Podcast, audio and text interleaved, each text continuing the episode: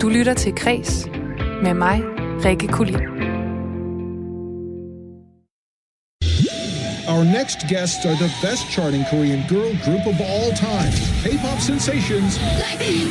K-pop has become a worldwide cultural phenomenon. We grew into something that we didn't even know was possible. K-pop er en gigantisk multi multimilliardindustri, som har boblet under overfladen i årvis. Og selvom genren nok stadig bliver defineret som niche her i Danmark, så er det altså på tide at slå ørerne ud, for pop fra Korea slår utallige YouTube-rekorder, indtager sociale medier og bringer de koreanske hitgrupper ud i hele verden. Og på Netflix, der kan du lige nu se dokumentaren Blackpink Light Up the Sky om en koreansk pigegruppe, og det er netop den dokumentar, jeg dykker ned i i dagens program. Vi taler både med en dansk K-pop-fan, og så også med en dansk producer, som har lavet adskillige K-pop-hits. Og så skal vi altså også forbi kendisers betydning for det amerikanske valg.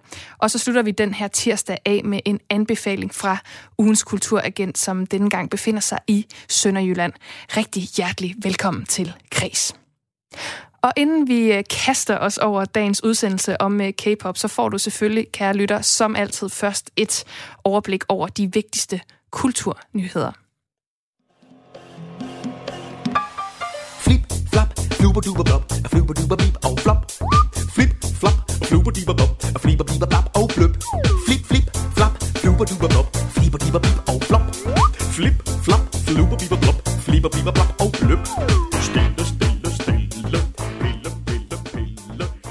det eller ej, det her det er faktisk en øh, vigtig kulturnyhed, fordi når man først har hørt den her sang en gang, så sidder den altså fast på hjernen. Sådan har jeg det i hvert fald med Sigurd Barretts Pilfingerdansen, og sådan har resten af verden det til synladende også lige for tiden. For nummeret fra børneprogrammet Sigurds Bjørnetime i en remix-udgave her, den er nemlig lige nu på femtepladsen på Spotify-playlisten Global Viral 50, som altså er en liste over de 50 største virale sange i hele verden lige nu. Og det er altså en renaissance, som ved noget, der har fundet sted for den her sang de seneste par uger. Den er fra 2002, og den har altså især hittet i Holland, hvor de her tekstlinjer stille, stille, stille, pille, pille, pille, det altså betyder stjæle, stjæle, stjæle, piller, piller, piller. Og det har altså gjort den her sang umådeligt populær i teknomiljøer. Og nu spreder det sig altså til resten af verden ud over Holland her, og det afspejles altså i den her placering på Spotify-playlisten over virale hits. God ventilation, flere indgange og planlægning af pauser. Det er ting, som alle sammen, sammen med god hygiejne blandt publikum, kan være vejen til at genstarte koncertscener både i Tyskland, men også i resten af verden. Sådan lyder nemlig konklusionen på en undersøgelse foretaget af forskere fra Universitetshospitalet i Halle i Tyskland. I slutningen af august, der blev der nemlig afholdt et koncertforsøg med den tyske sanger Tim Bensko. schon weit gekommen sind.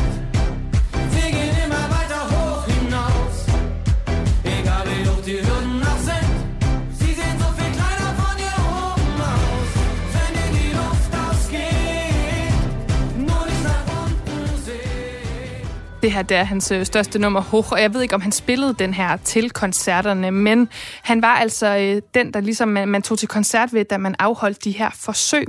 Og det var en del af et videnskabeligt projekt, som ligesom skulle undersøge risiko og risici forbundet med at afholde store indendørs events.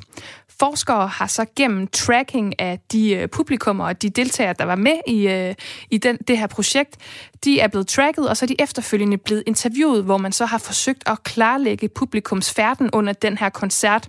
Og nu har man altså fået resultaterne. Og der er flere, hvad kan man sige, hovedpunkter i den her undersøgelse.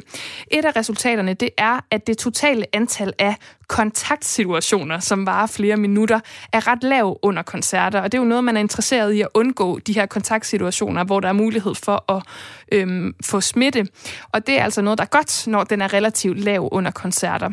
Så har man også fundet ud af, at øh, der, hvor de her kontaktsituationer, de ligesom øh, er, er større, det er ved indgang og udgang til koncerter og under pauser. Og det giver jo rigtig, rigtig god mening. Så det handler altså om, at man sikrer sig, at folk de bliver lukket ind lidt af gangen og ligeledes ud igen.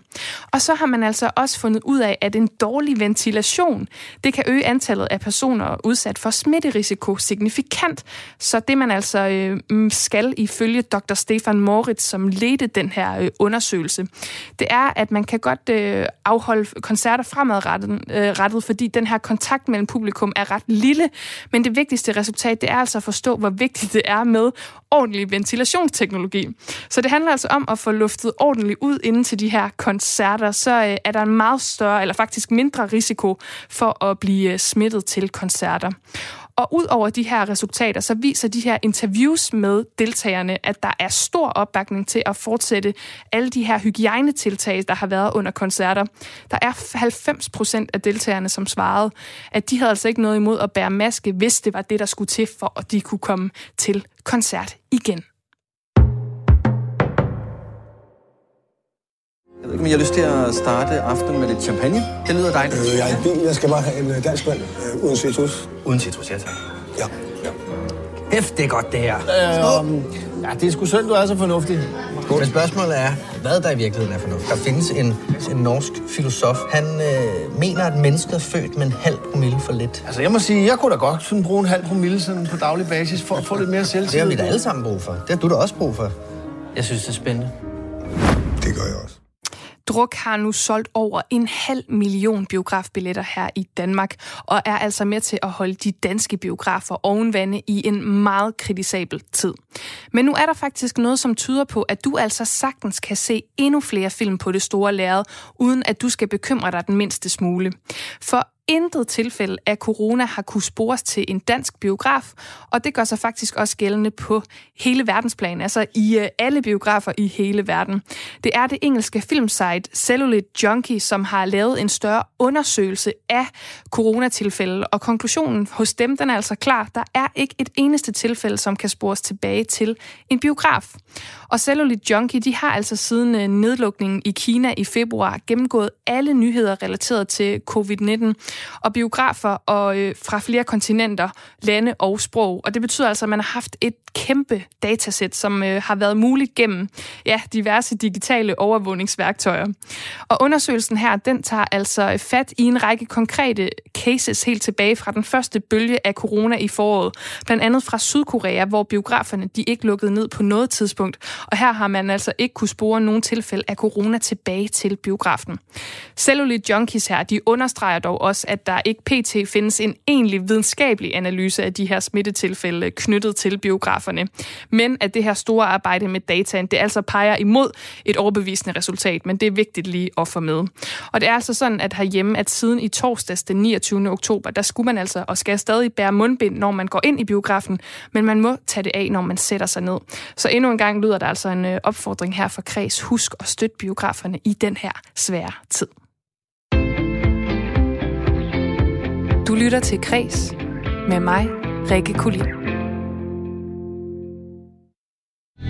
All I wanted was people to see the potential in us. 다음께 나올 때는 저희도 부담이 있는 거죠. 막. Let's go! The first female Korean group perform at Coachella. Blackpink, like, how do we live up to this hype? Dansetrin, musik, og, øh, musik, sang og personlige interviews. Det er nogle af ingredienserne i en ny dokumentar på Netflix, som hedder Blackpink Light Up the Sky. Og det er altså øh, den dokumentar, som jeg dykker ned i i dagens udgave af Kreds. Og i den her dokumentar, der øh, møder vi altså den populære pigegruppe Blackpink inden for den her genre, som hedder K-pop, eller øh, hvis man ikke forkorter det, koreansk pop.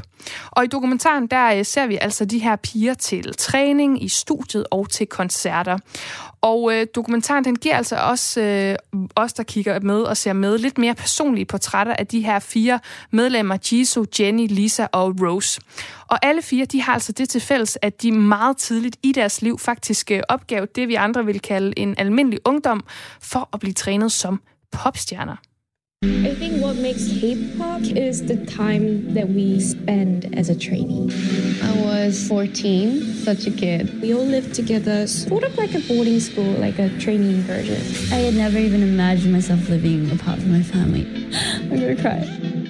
Og som det ofte er med musikdokumentar, så kommer vi altså ikke øh, helt derind, hvor det gør øh, allermest ondt. Og så øh, hvad kan man sige, så springer den her dokumentar også øh, over en del kritikpunkter, man nok godt kunne stille til den her branche, som altså har magten over de her øh, ret unge piger og drenge, som altså bliver gjort til kæmpe store stjerner. Til gengæld så er den her dokumentar altså fuld af musik og dansetrin. Og øhm, jeg tænker, at for fans og nysgerrige på genren, så er den helt sikkert også en øh, ret fantastisk oplevelse. Og lige om lidt, så skal jeg tale med en fan om den her dokumentar. Men inden da, så er det måske på sin plads med en lille begynderguide til K-pop her.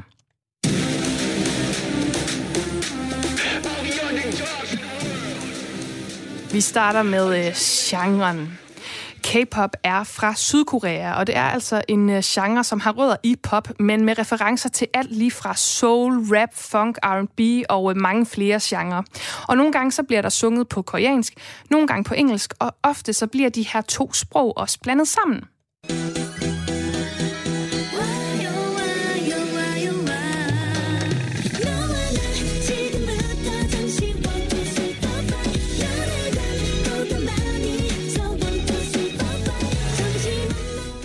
Det næste element, det er træningen, fordi K-pop-stjerner, de er altså nærmest fabrikfremstillede. I den her branche, der er der nogle selskaber, som simpelthen træner aspiranter fra de er meget unge, og så sætter de dem efterfølgende, efterfølgende sammen i grupper. Og den her seriøse træning, den betyder altså også, at øh, grupperne, de kan lave nogle meget synkrone koreografier i de her ret vilde musikvideoer, som er virkelig populære blandt andet på YouTube. Og nogle af de øh, største selskaber på det koreanske marked. De hedder YG Entertainment og SM Entertainment.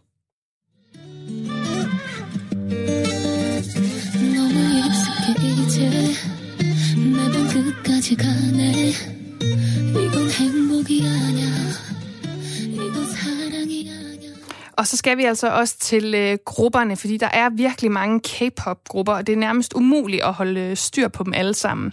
En af de mest populære øh, grupper, det er BTS, som står for Bulletproof Boy Scouts.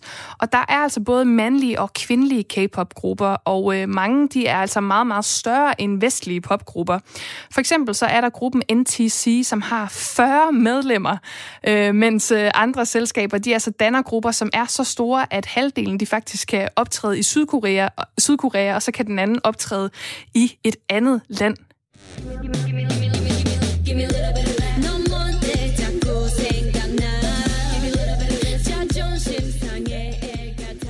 Det er altså øh, en introduktion her til K-pop, som øh, jeg lige gav, men nu skal vi tale med en, som øh, faktisk ved ret meget mere om det her end mig. Nu kan jeg sige velkommen til dig, Maria Deniva. Du er øh, 18 år fra Nykøbing Mors og går i gymnasiet. Velkommen til Kreds. Hej, mange tak, fordi jeg måtte komme. Selvfølgelig. Vi skal jo tale om den her dokumentar Blackpink Light Up the Sky, men først skal jeg lige høre, altså, hvordan opdagede du K-pop? Altså, jeg opdagede K-pop ved, at mine veninder introducerede mig til det tilbage i 2017, lige der, hvor BTS kom ud med sangen DNA og deres Love Yourself-kampagne.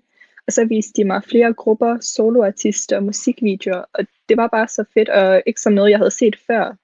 Okay, så det, ja, ja altså, jeg, jeg, har jo, jeg, jo, øh, jeg føler mig sådan lidt gammel nogle gange, når jeg ser K-pop. Kan du prøve at sætte nogle ord på, hvad det er, der gør den her genre så, øh, så fed?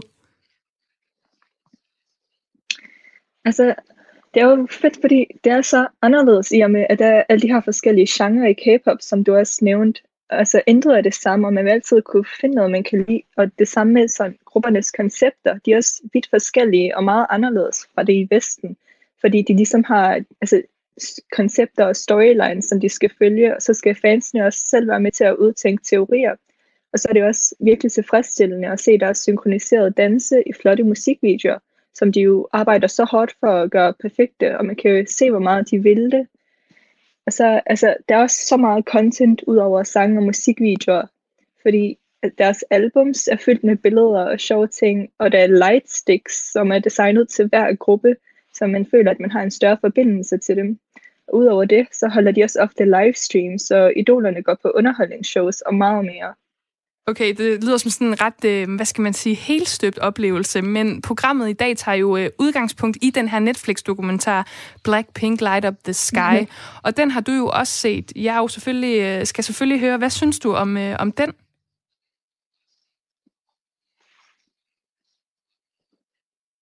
Ja, altså jeg synes, det var en rigtig god dokumentar, som virkelig gav et godt indblik i pigernes liv og venskab, og hvorfor de vil være idoler.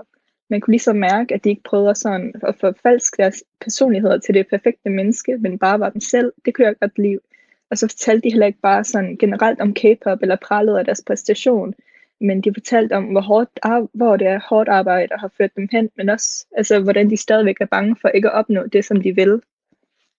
Og så ved jeg også, at du øh, har en yndlingsscene for den her dokumentar. Det er nemlig det øjeblik, hvor pigerne i gruppen de spiller på Coachella i USA. Og lad os lige høre en lydbid fra det. Hej, man lyser på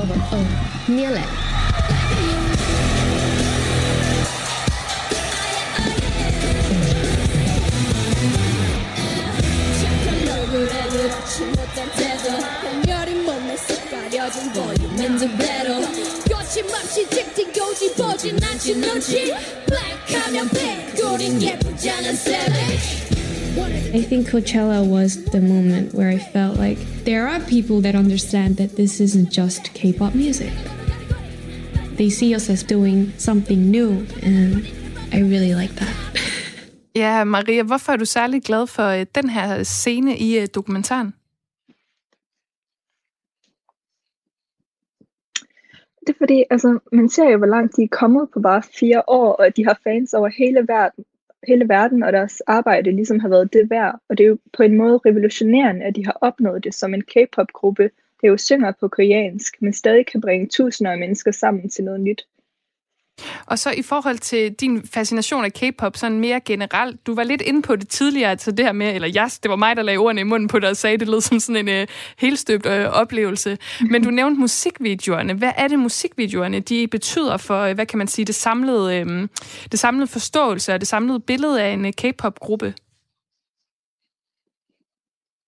Ja, altså det er meget forskelligt sådan fra gruppe til gruppe, fra deres hvad deres musikvideoer betyder, om de overhovedet har en dybere betydning. Der er sådan mere sådan triste, meningsfulde betydninger, som altså, i for eksempel Red Velvet sang One of These Nights øh, handler om en skibsulykke øh, i Sydkorea, der tog livet af 400 elever.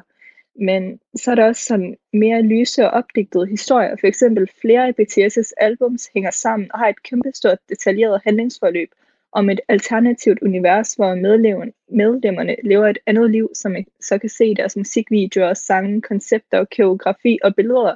Og der er ingen grænser, og fans kommer også med deres egne teorier for at finde ud af, hvordan historien ender. Og så er de jo også meget æstetiske og har et kæmpe budget og god kvalitet, så man bliver bare suget ind i det. Og så her til sidst, så øh, kan det jo være, nu har vi jo øh, snakket lidt her om, du nævner BTS her, som, øh, øh, som øh, en, en gruppe, der, hvis musikvideoer du godt kan lide. Er det også dem, du vil fremhæve, hvis man nu spørger, hvilke bands man ellers skal lytte efter? Fordi det er jo også i, øh, i den her dokumentar, så er det jo Blackpink, der bliver fokuseret på. Så Blackpink og så måske BTS, er det dem, man skal øh, starte med?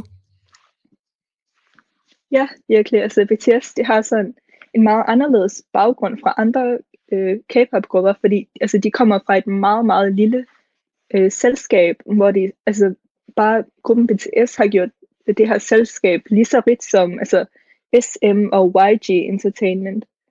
Og, altså, også deres personernes baggrund, de er også vidt forskellige. De kommer sådan fra forskellige sociale lag og sådan. Okay, men altså BTS kan vi lige sige til lytteren, det er altså Bulletproof Boy Scouts, det står for, og det er nok øh, det mest populære K-pop, øh, K-pop band overhovedet. Jeg vil sige tusind tak, fordi du var med, Maria Deniva, altså K-pop-fan og gymnasieelev. Tak fordi du var med. Og senere i programmet, der taler jeg med en dansk producer, som øh, kender det her koreanske musikmarked rigtig godt. Han har nemlig både produceret numre til flere grupper og rejst i landet. Du lytter til Kres med mig, Rikke Kulin.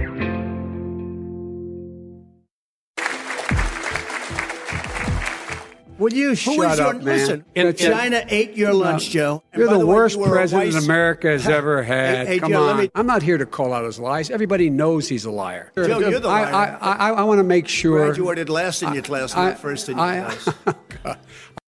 Ja, det er nok ikke gået nogens næse forbi, at amerikanerne i dag lige nu går til valgstederne for at stemme på, hvem de mener skal være den næste præsident, i det, der er blevet betegnet som det vigtigste valg nogensinde. Og valget, det står som altid mellem demokraterne og republikanerne, og i år, der hedder kandidaterne Joe Biden og Donald Trump. Men det er faktisk ikke øh, dem, det skal handle om nu, men dem, der støtter dem. For i USA, der er et præsidentvalg altså ikke kun politik, det er også kultur, særligt populær populærkultur. Og nu går vi altså fra K-pop-kultur til amerikansk kultur. For det er øh, en almindelighed, at de kendte mennesker i USA, altså filmstjerner og musikere og atleter, de øh, offentligt støtter en kandidat til valget. Hey! Hi! Hey guys, I, I got to tell you, well, it, it is so good seeing you guys. So I figured let's kick this conversation off this way by me officially uh, publicly endorsing you both uh, to become president and vice president of our great country. Oh, that's Thank you, thank you, fantastic. thank you. Thank you. Det her, det var altså The Rock, som her det endorsede, altså pegede på øh, Joe Biden som øh, den præsidentkandidat, han støtter på, eller støtter. Og nu kan jeg sige velkommen til dig, Ib Guldbrandsen. Du er lektor i kommunikation og strategi på Roskilde Universitet. Velkommen til Kreds. Tak.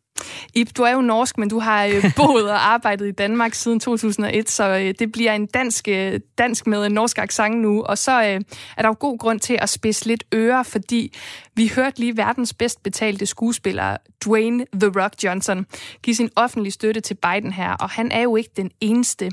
Men hvordan kan det være, at øh, stjernerne i USA, de er øh, så tydelige og offensive i deres udmeldinger om politik, altså både hvem de selv stemmer på, men også det her med at opfordre til at stemme?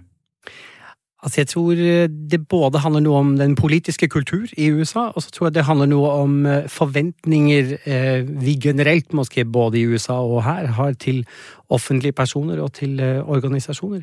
Hvis vi tar den første først, i forhold til at det er en annen politisk kultur, en annen kultur for hvilken rolle kendiser spiller, så tror jeg det er sammenlignet med Danmark i hvert fall Eh, så lytter man mer til og forventer i større grad at eh, også kendiser eh, melder ut hva de mener om politikk. Og jeg tror det henger noe sammen med at i USA er det jo liksom Enten stemmer man på demokratene eller på republikanerne, selv om det finnes andre partier, men det er jo nesten topartisystem. Eh, Så det er enten oss eller dem. Og det tenker jeg det forventer en masse fans, eh, at eh, man skal melde ut om man er eh, til den ene eller den annen.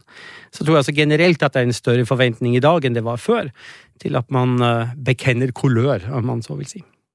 Ja, så det er altså øh, i højere grad, øh, hvad kan man sige, toparts øh, parti, øh, tosystems øh, øh, hvad hedder det, politik, man kører i, i USA end i Danmark, og øhm, det gør altså, at man i højere grad er i den her os eller dem.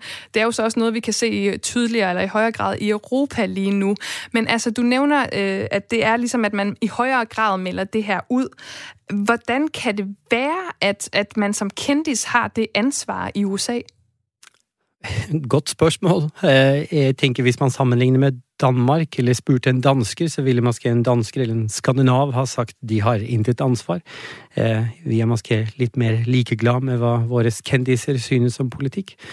Men jeg tror en stor del av det handler om at eh, riktig mange eh, amerikanere er ikke involvert i den politiske debatt, eller er ikke oppmerksomme på, eller kikker ikke på politiske nyheter på samme måte som vi måske hvert fall flere av oss eh, her i Europa og i Skandinavien gjør.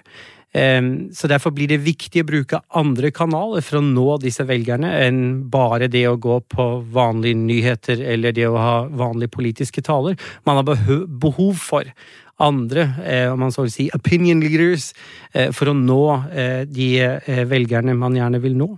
Eh, og så tror jeg det, altså som jeg sa tidligere, og som du også nevner, med at det er så polarisert, Eh, gjør at man må bruke alle de knep man har i eh, verktøyskassen for eh, overhodet å få over de velgerne eh, man har behov for for å vinne. Ja, så den her kendisfaktor gør ligesom en stor forskel for at nå de vælgere, der ikke er interesseret i, i amerikansk, eller bare i politik, men altså politik i deres hjemland. Men altså, rykker det noget, når de amerikanske megastjerner, de så melder så tydeligt ud? Altså, kan deres udmeldinger gøre en forskel for, hvordan folk stemmer, og kan stjernerne også være med til at reelt at flytte folks øh, stemmer? Eh, det er svært å svare på eh, eh, så konkret som å si ja eller nei, men eh, jeg kan fristes til å si ja. Eller så tror jeg ikke at Ehm, det hadde vært en så stor interesse for å benytte seg av, eh, av kendiser i politisk kommunikasjon eller i, i, i valgkampanjen. Eh, Men også fordi at vi har faktisk eh, i hvert fall noen eksempler på at eh, når kendiser eller megastjerner har engasjert seg, så har det rykket noe. Eh, For eksempel tilbake i forbindelse med ehm, eh, midtveisvalget i 2018, eh, så eh, laget Taylor Swift en, eh, en Instagram-post hvor hun oppfordret eh, amerikanerne til å la seg registrere til å, så de kunne velge stemme eh, ved neste, eller ved, prim, ved, ved midtveisvalget. Um, og de hadde en enorm effekt. Eh, ehm, um, Vote.org, som er en eh, non-profit-organisasjon som eh, hjelper amerikanerne med å registrere seg til å velge, eh, de kunne se at i løpet av de 24 timer som fulgte efter hennes Instagram-post, altså ikke en stor kampanje på mange plattformer, men en Instagram-post, eh, så fikk de over eh, 30 000 eh, nye registreringer. Bare for å sette en lille smule i perspektiv, så eh, registrerte de i august det samme år, altså to måneder før, det her var i oktober, eh, eh, eh litt over 50 000 eh, nye registreringer på en hel måned. Så det her er altså mer i løpet av 24 timer enn de normalt har i løpet av en måned. Så, Ja. så ja, det har effekt. Ja, det har effekt, så Taylor Swift altså går ud og opfordrer til at stemme, og simpelthen får øh, 60.000 til at øh, melde sig til inde på vote.org. Men altså, det her det er jo endnu et, endnu et eksempel på en kendis, som støtter øh, Biden og demokraterne. Nu hørte vi øh, The Rock tidligere øh, gøre det samme. Og jeg har kigget lidt på de amerikanske medier, som er rigtig gode til at lave nogle lister igen det her, også mod dem, hvor man kigger på kendte, der støtter Trump versus Biden. Og det er jo altså ret svært at finde sådan en kæmpestor flok af A-list-kendiser, som støtter Trump. Hvad er det, det betyder for Trump og hans vælgere, og hvordan påvirker det selvopfattelsen i, i den del af, øhm, af vælgerstablen, hvis man kan sige det på den måde? Altså, Hvordan det påvirker deres selvopfattelse, er et, øh, et, et glimrende spørgsmål. Eh, Det vet jeg ikke. Eh, Men jeg kan vende tilbage til måske påvirker det slet ikke. Jeg tror ikke det er helt til Altså, jeg tror ikke det er um, det er måske ikke så overraskende at det er flest eh, megastjerner eller kendiser eller popstjerner som støtter demokratene, øhm, eh, motsatt republikanerne. Eh, på den ene side kan man si at det måske bekrefter denne her klisjeen om at kunstnere er eh, mer venstreorienterte. Og klisjeer har jo en tendens til å i hvert fall ha en viss rot i eh, en virkelighet. Eh, utover det så tenker jeg det er viktig å huske på, i hvert fall som skandinav, at ehm, eh, eh, eh, politikk i USA er veldig annerledes enn her. Eh, Venstre, det danske partiet Venstre, er vennskapsparti med det demokratiske partiet i USA. Så det sier jo noe om at det er jo ikke nødvendigvis at man er supervenstreorientert eh, megastjerne, eh, eh, selv om man eh, støtter demokratene. Eh, utover det så finnes det jo faktisk eh, noen eh, megastjerner som også støtter republikanerne, men jeg tror bare ikke det er ikke den samme forventning. Men eh, for å vende tilbake til det her med selvoppfattelsen. Jeg tror når man som Trump velger, ser at for eksempel Lady Gaga eh, støtter eh, Biden, så tenker man ja, vet du hva, det bekrefter meg i at jeg skal stemme Trump, for jeg vil ikke eh, stemme på eh, et menneske som støttes av, om man så vil si, eh, som de kunne uppfatta det freakshow. Eh, samtidig så, så kan det selvfølgelig ha en effekt eh, i at hvis man ser Oprah Winfrey eh, si at jeg støtter Biden, så, så kan det selvfølgelig være at noen tenker det. Håper man sikkert. Eh, at eh, man også selv burde, eller i hvert fall kunne, skifte mening. Ja, det er måske også, hvem man selv kan lide af de kendte, det så kommer til at øh, betyde noget for. Men øh, du var jo lige, øh, du nævnte jo lige Danmark før, at Venstre faktisk er, øh, kan man sige, partivenner og venskabspartier med demokraterne. Hvis vi nu lige vender næsen hjemad, så er det jo også en noget andet, anden situation, og vi var lidt inde på det i starten. Altså, jeg ved for eksempel ikke, hvad hverken Trine Dyrholm eller Mads Mikkelsen eller Jada eller Lucas Graham, de stemmer. Og det er jo nemlig øh, ikke noget, vi rigtig har tradition for i Danmark, at de danske, danske kendte, de går rundt og taler så højt om. Og hvordan kan det egentlig være, altså øh, til forskel fra USA? Jeg tror ikke vi har noen kultur for at man uh, som kunstner uh, involverer seg i partipolitikk. Uh, vi har jo absolutt hva heter det, en masse kunstnere og et, et kunstliv eller kulturliv som engasjerer seg politisk, men jeg tror de engasjerer seg langt mer om man så vil si, i forhold til politiske saker eller politiske issues og ikke så meget i forhold til partipolitikk. Og det henger nok også sammen med at vi har riktig mange politiske partier, så det er en litt annen type nyansert politisk diskusjon her. Så tenker jeg òg, som jeg sa tidligere, vi er måske også litt ligeglad med hva eh, Trine Dyrholm synes, eh, hva hun stemmer på. Altså, jeg kan godt lide Trine Dyrholm, jeg synes hun er en fantastisk skuespiller, men jeg vet ikke om jeg er så interessert i om hun stemmer Venstre eller Enhedslisten, om man så vil si.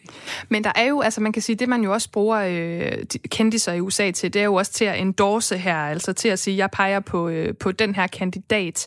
Altså herhjemme har vi set et par eksempler på, at en influencer, de har indgået samarbejder med de politiske partier, for eksempel øh, YouTube og øh, Instagram og Julie Sofia, hun lavede en kampagne for Socialdemokratiet på et tidspunkt. Altså, kunne man forestille sig i fremtiden, at danske kendiser eller danske influencer især, de måske er mere tydelige omkring deres politiske ståsted, fordi politikerne, de ser en god mulighed for øh, et samarbejde her? Ja, det tror jeg.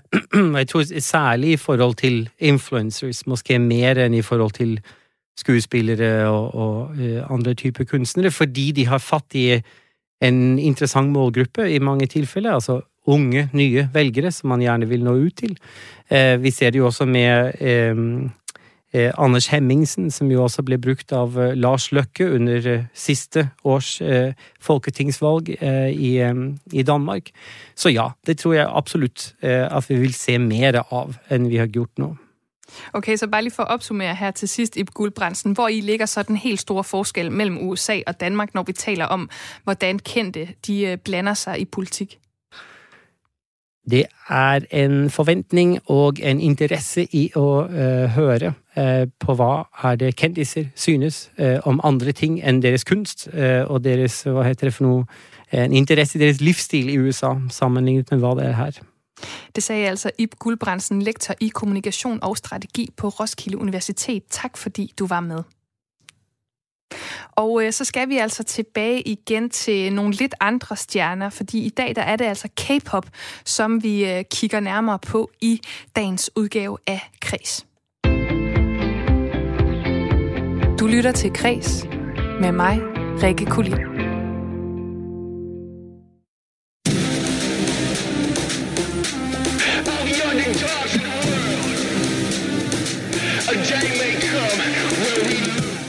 Ja, nu skal det altså igen handle om K-pop, eller koreansk pop, hvis øh, vi lige udvider det her K lidt. Det er en branche og en musikgenre, genre, som virkelig har millioner af fans over hele verden. Og nu skal vi høre fra en dansk producer, som har lavet flere hits til den her branche. Det er den danske producer Daniel Obi Klein, som en dag fik besøg i studiet af en koreansk delegation, som var på jagt efter deres næste store K-pop-hit. Jamen, øh, det startede med, at øh, der kom en, øh, altså jeg, jeg, som sagt, øh, jeg har et studie og holder til et studie ude i, øh, på Islands Brygge, og der kom en delegation fra, øh, fra Korea i sin tid i 2012.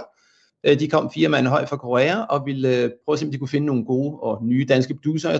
Og de tog så ud til den her bygning her, eller ud til, til Njælsgade, og, øh, og holdt sådan en præsentation om, hvem de var, og hvad deres pladskab hed, og det pladskab hed SM øh, Entertainment, og ja, faktisk det største K-pop-pladskab ude i Korea. Det vidste vi ikke rigtig dengang, vi vidste ikke så meget om dem alle sammen.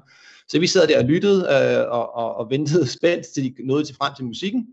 Ja, og så, og så, så var det jo basically R&B fandt vi så ud af, men med koreanske artister, der, der opførte det, der, der udførte musikken. Øhm, og så ville de jo uh, høre, om nogle af os havde lyst til at gå op uh, henholdsvis og lave uh, noget musik til, til nogle af deres K-pop-grupper. Øhm, og vi vidste ikke rigtig, hvor det ville være hen, så vi tog bare op og, og lavede, jeg lavede så et, et halvt stykke musik. Jeg ville ikke gøre det færdigt, for jeg vidste ikke rigtig, om det, om det førte nogen steder hen. Jeg vidste ikke så meget om K-pop overhovedet.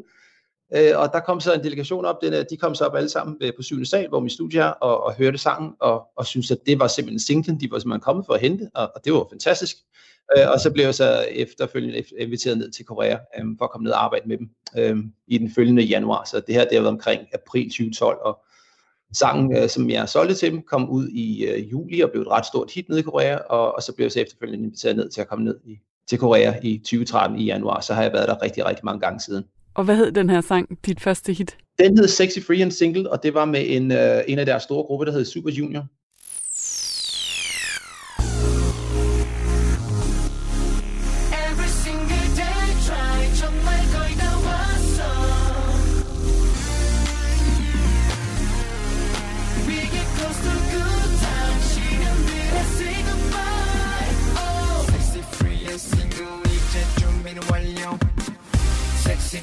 single Monday to bingo.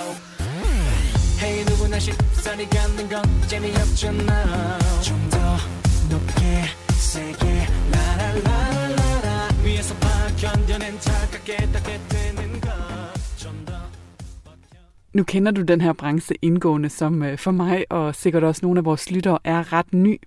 Kan du ikke prøve at sætte nogle ord på, hvad er det egentlig for en branche, og hvordan skiller den sig ud fra for eksempel den danske musikbranche?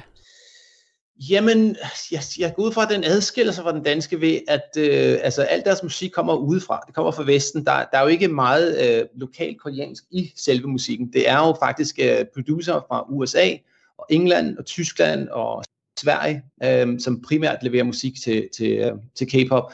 Andre lande har jo gerne en, en lyd, som de har selvfølgelig har blandet med, med deres egen lyd, øh, først og fremmest, og, og, og har importeret lidt udefra, men det gør de ikke rigtigt derude. Der har de stort set importeret, øh, importeret hele lyden udefra. Men kan du så ikke lige prøve at tage os med ind i dit værksted?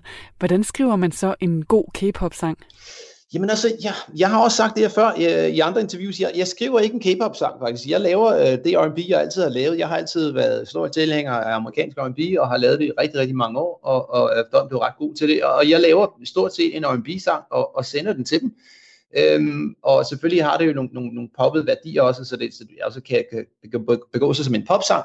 Men jeg laver ikke en K-pop-sang. Jeg laver en R&B-sang på amerikansk, vi synger den gerne på engelsk, og sender ned til dem, og når de kan lide dem, og det kan de ret ofte, så, så oversætter de den bare til koreansk, og så bliver det til en K-pop-sang, lige så snart der bliver sunget på koreansk på den. Og det er jo en ret stor industri, men hvem får egentlig den største del af den her økonomiske kage? Er det så selskaberne, er det dig som producer, eller er det sangerne? Jamen altså, jeg vil sige, pladeskaberne, øh, som jo selvfølgelig øh, ejer marserne, som bliver lavet, det, det er det samme i alle lande, og de, de ser jo nok flest af pengene, kan man, kan man forestille sig, men altså producerne blev øh, klækkeligt belønnet selvfølgelig for, for deres arbejde, det er også en af de øh, mest øh, højt betalende steder, faktisk, øh, så det er faktisk ikke dårligt for producer overhovedet, og, og så er der selvfølgelig også efterfølgende øh, nogle forlagsindtægter, som også kan være rigtig, rigtig gode. Jeg ved, de bruger en enorm mange penge på at øh, markedsføre grupperne, og jeg ved, at nogle gange så øh, går der et eller to albums, hvor kunstnerne faktisk ikke rigtig tjener noget. Gerne album 1 øh, er simpelthen brugt på at recoupe alle udgifterne, der er blevet brugt i forbindelse med at, at, at få kørt uh, succesen på plads. Så, så der bliver brugt tårnhøje beløber på at, at få kørt succesen uh, på plads, og, og der tror jeg ikke, at, at, at gruppen, altså kunstnerne, står til at tjene helt så forfærdeligt meget. Men på et tidspunkt, så begynder det jo at køre sig selv. De er jo som sagt rigtig gode til at, at få pisket en succes op med de her grupper, så jeg vil sige på album 2 og 3 og 4, øh, der, der tror jeg, at kunstnerne faktisk begynder at mærke rigtig, rigtig godt øh, af indtægterne. Øhm, fordi nogle af dem, altså jeg har jo set, nogle af dem kører rundt i meget dyre sportsvogne, så det, øh, med mindre de er lejet eller lånt det, så, så tror jeg, at det kører sgu meget godt for, for dem. En anden ting, der slog mig, øh, da jeg så den her dokumentar om gruppen Blackpink, det er de her sammensatte bands, hvor de unge mennesker, de simpelthen træner i mange år i nogle også ret vilde træningsprogrammer for måske eller måske ikke at blive en del af en gruppe. Hvad tænker du om hele det system? Jamen altså, det, vi har jo haft noget lignende her, og det har folk nok glemt. Altså i 90'erne, der var der jo ikke andet end girlbands over det hele her i, i Europa. Øhm, rigtig mange Westlife og alle de her øh, forskellige, og Boyzone og hvad ved jeg, Spice Girls og, og andre ting.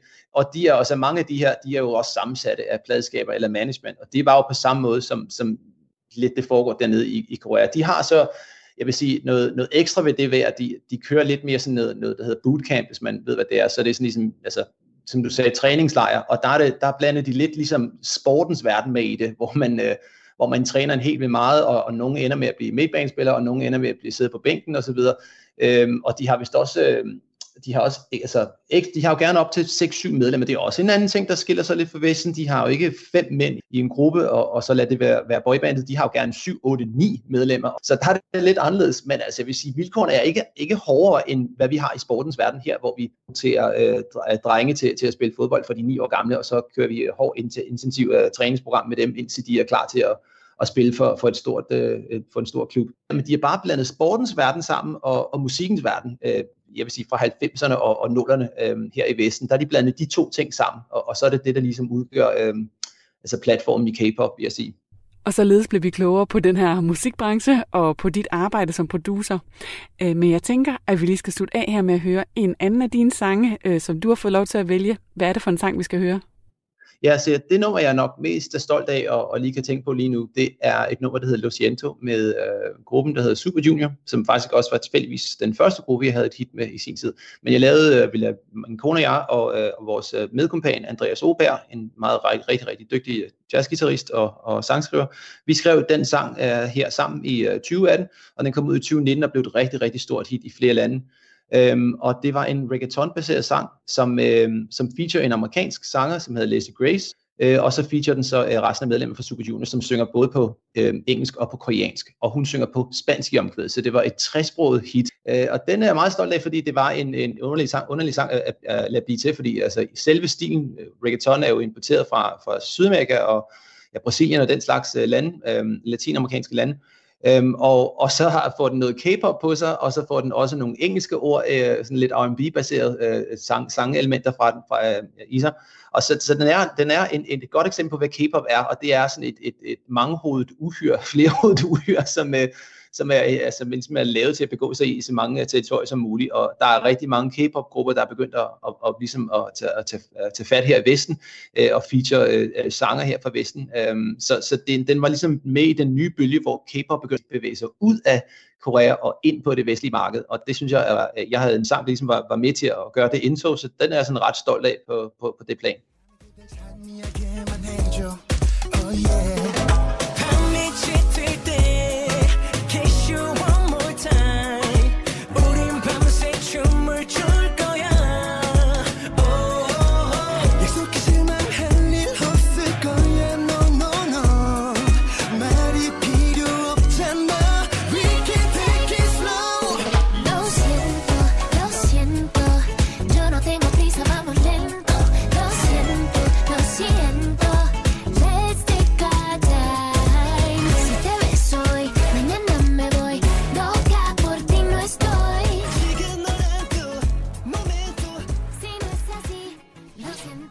Det var altså øh, min kollega Lene Grønborg, som altså havde talt med musikproducer Daniel Obi Klein om hans øh, relation til K-pop.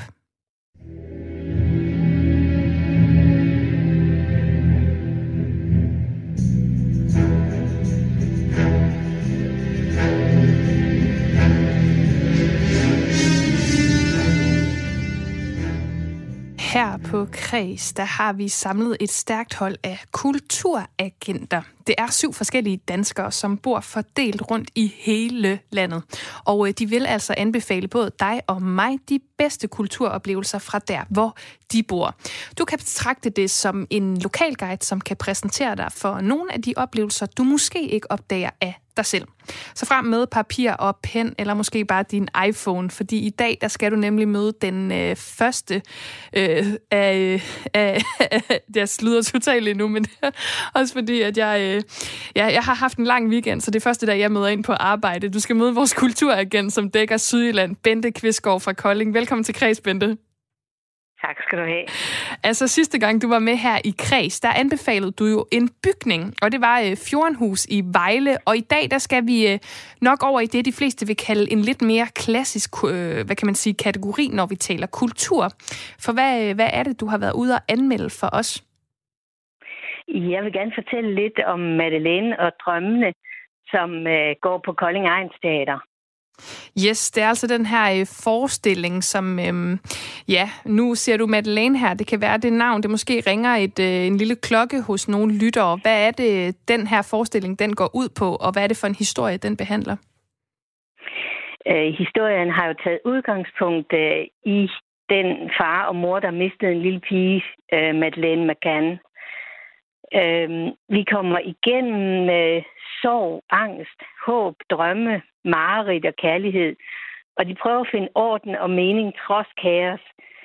Og øh, viser nogle af de mange følelser, man gennemlever, når man taber det dyreste, man har. Ja, det er den her historie om uh, britiske Madeleine McCann, som altså forsvandt for 13 år siden nede i, uh, i Portugal. Og uh, den er instrueret af Emil Alexander Rostrup og bliver altså fremført af blot uh, fire skuespillere. Og nu nævner du jo, Bente, alle de her følelser, um, og den tager udgangspunkt i en rigtig historie. Men hvor er det, at den adskiller sig fra virkeligheden, det her, det her stykke? Der er øh, fantaseret en masse omkring det. Der er tilføjet et øh, grumt og syret univers. Så er der nogle fantastiske effekter med lys og skygge. Man starter med at se Madeleine som en ansigtsløs slaskedukke. Det er jo et genialt øh, start. Man bliver helt knudet om hjertet. Det er ikke uden humor og øh, poesi. Og vi møder så faktisk også Madeleine, som så inderlig gerne vil findes. Hun prøver at nå sine forældre gennem drømmene. Øh, og der er også nogle tanker omkring, om man overhovedet kan genkende hinanden, hvis man genses efter mange år. Er vi stadigvæk de samme så? Så det vil sige, det er ikke en fortælling om Madeleine, men det er en fortælling med udgangspunkt øh, i historien. Det er jo virkelig interessant det her med, at hvis man ikke har set nogen i mange år, så skulle møde dem igen, tænker jeg. Altså det der forestilling, man har om, hvordan nogen er, og så at de måske er blevet til andre mennesker. Mm-hmm. Ja. Madeleine, hun var jo tre år, da hun øh, forsvandt. Tænk, hvis hun kommer igen om 13 år, eller på et andet tidspunkt. Ja, det er jo sådan, altså det er en meget... Øh sjov størrelse at reflektere over. Jeg tænker jo også i forhold til, øhm, hvad kan man sige, den her måde at, øh, at behandle den her historie på, så er teatret jo et sted, når det gør det godt selvfølgelig, er et sted, der kan gøres ret eftertænksomme, og måske også øh, klogere, og øh, ja, som du siger her, øh, reflektere over noget som det her, hvor vi ikke rigtig kender svaret. Altså, hvilken følelse sad du tilbage med efter den her forestilling og de her refleksioner? Altså, jeg var jo fyldt med tanker om frygten for at miste, men også håbet og styrken i kærligheden, som er så vigtig at bevare, og også erkendelsen af, hvor vigtige drømme og det underbevidste liv egentlig er. Altså, øh, drømmene her, Bente, det, det lyder jo som mm-hmm. noget, altså det er jo også på sådan et øh, meget abstrakt niveau. Altså, hvem tænker du, den her forestilling vil være interessant for? Jeg tænker måske ikke lige, den er så velegnet til børn. Altså, hvem, øh, hvem tænker du skal gå ind og se den her forestilling? Nej, man skal ikke tage sine børn med ind. Det er voksne, som ikke er bange for at tænke lidt over livet, også når det måske gør lidt ondt. Også folk, som gerne vil opleve nogle knalddygtige skuespillere, som spiller med stor indlevelse og følsomhed. Og stykket, det er jo altså ikke kun øh, sort, skribende og skræmmende, men det er altså også sjovt. Okay, det tænker jeg måske også er en god afveksling fra, fordi meget af det, du beskriver, det er sådan lidt tungt, tænker jeg, eller det er i hvert fald nogle store mm. følelser. Så er der den her afveksling ligesom i, øh, i det humoristiske? Ja, bestemt. Bestemt. Okay. Det er der både poesi og humor, er der også meget af i stykket. Men man kan jo også sige, at øh, tragedie og komedie, de er sjældent er ret langt væk fra hinanden, så det, øh, det kunne jeg godt forestille mig. Men, men øh, Bente, vi skal jo også, det er jo en klassiker her i vores kulturagent-sektion. Øh, vi skal jo ligesom have, øh, have givet nogle, øh, ja, jeg vil egentlig sige stjerner, men det er jo øh, noget andet, vi skifter øh, øh, karakter, øh, karakteren her ud med. Så vi siger, hvor mange drømme på en skala fra 1 til 6 vil du give den her forestilling, Madeleine og drømmene? Jeg vil give det en femmer. En femmer. Vil du sætte nogle ord på? Ja. Jamen, øh, jeg synes, man skal tage ind og se den, fordi der er nogle virkelig øh, dygtige skuespillere, og der er nogle virkelig spændende og groteske og anderledes figurer. Og der er så mange ting, man kan tænke over bagefter. Jamen altså, det er simpelthen ordene. Jeg vil sige tak, fordi du var med, Bente Kvistgaard, fordi du var med i Kreds og giver os inspiration til, hvad vi altså kan opleve i Kolding. Vi tales ved igen snart. Det er bare i orden. Og den her forestilling, med Madeleine og drømmene, den kan altså ses på øh, Kolding Ejns Teater i hele november måned. Og den er som sagt instrueret af Emil Alexander Rostrup. Og så nævnte jeg jo før, at der er øh, fire skuespillere ombord. Det er altså alt, vi ser på scenen, og det er Malte Frid Nielsen, Morten Kær, Christine Nørgaard og Amanda Bøgestrøm Isaksen. Og jeg er ved at være færdig for i dag. Tiden den øh, går altså hurtigt på en øh, tirsdag, som for mig føles lidt som en øh, mandag, men jeg er tilbage igen i morgen kl. 17.05. Og der, der skal det handle om podcasten Mere end Mursten af Respons, øh, som har produceret den, og verden på den, det er Fahia Khalid, og den handler altså om ghettopakken og øh, hvad den har af konsekvenser for folk, der har boet i det, regeringen altså og Folketinget betegner som ghettoområder. Om lidt, der er der amerikanske stemmer her på Radio 4, og øh, jeg synes altså, du skal blive hængende for at forstå, hvorfor folk de stemmer, som de gør i USA, og hvorfor nogen i ofte en sen alder faktisk ændrer parti. For som vi talte om tidligere i programmet, så er der altså tradition, tradition for i USA, at der er øh, to partier at vælge imellem, og der er meget den her os og dem retorik. Og USA-ekspert og historiker Rasmus Cindy Søndergaard, han giver altså øh, undervejs i øh, amerikanske stemmer et historisk perspektiv for, at vi kan blive klogere på, hvordan det kan være, at man egentlig skifter øh, politisk hold i øh, en sen alder. Og øh, så får du altså også lige om lidt ekstra lange nyheder i anledning af det amerikanske valg, så du har faktisk 9 minutters nyheder, du skal høre lige om lidt her på øh, Radio 4. Men noget, der altså måske bliver afgørende for øh, præsidentvalget her i øh, ja, natdansk tid, og hvordan stemmerne fordeler sig, det er de unge stemmer, som øh, man ofte fokuserer på, og førstegangsvælgerne. Og øh, de unge, de er altså ikke øh, nødvendigvis særlig gode til at stemme i USA. Så jeg synes, vi skal slutte af med øh, en meget øh, apropos-agtig sang, hvis jeg selv skal sige det, nemlig David Bowies Young Americans. Så øh, med den, der vil jeg altså sige tak for nu. Husk at blive hængende her på kanalen, både for de øh, udvidede nyheder, men altså også for de amerikanske stemmer.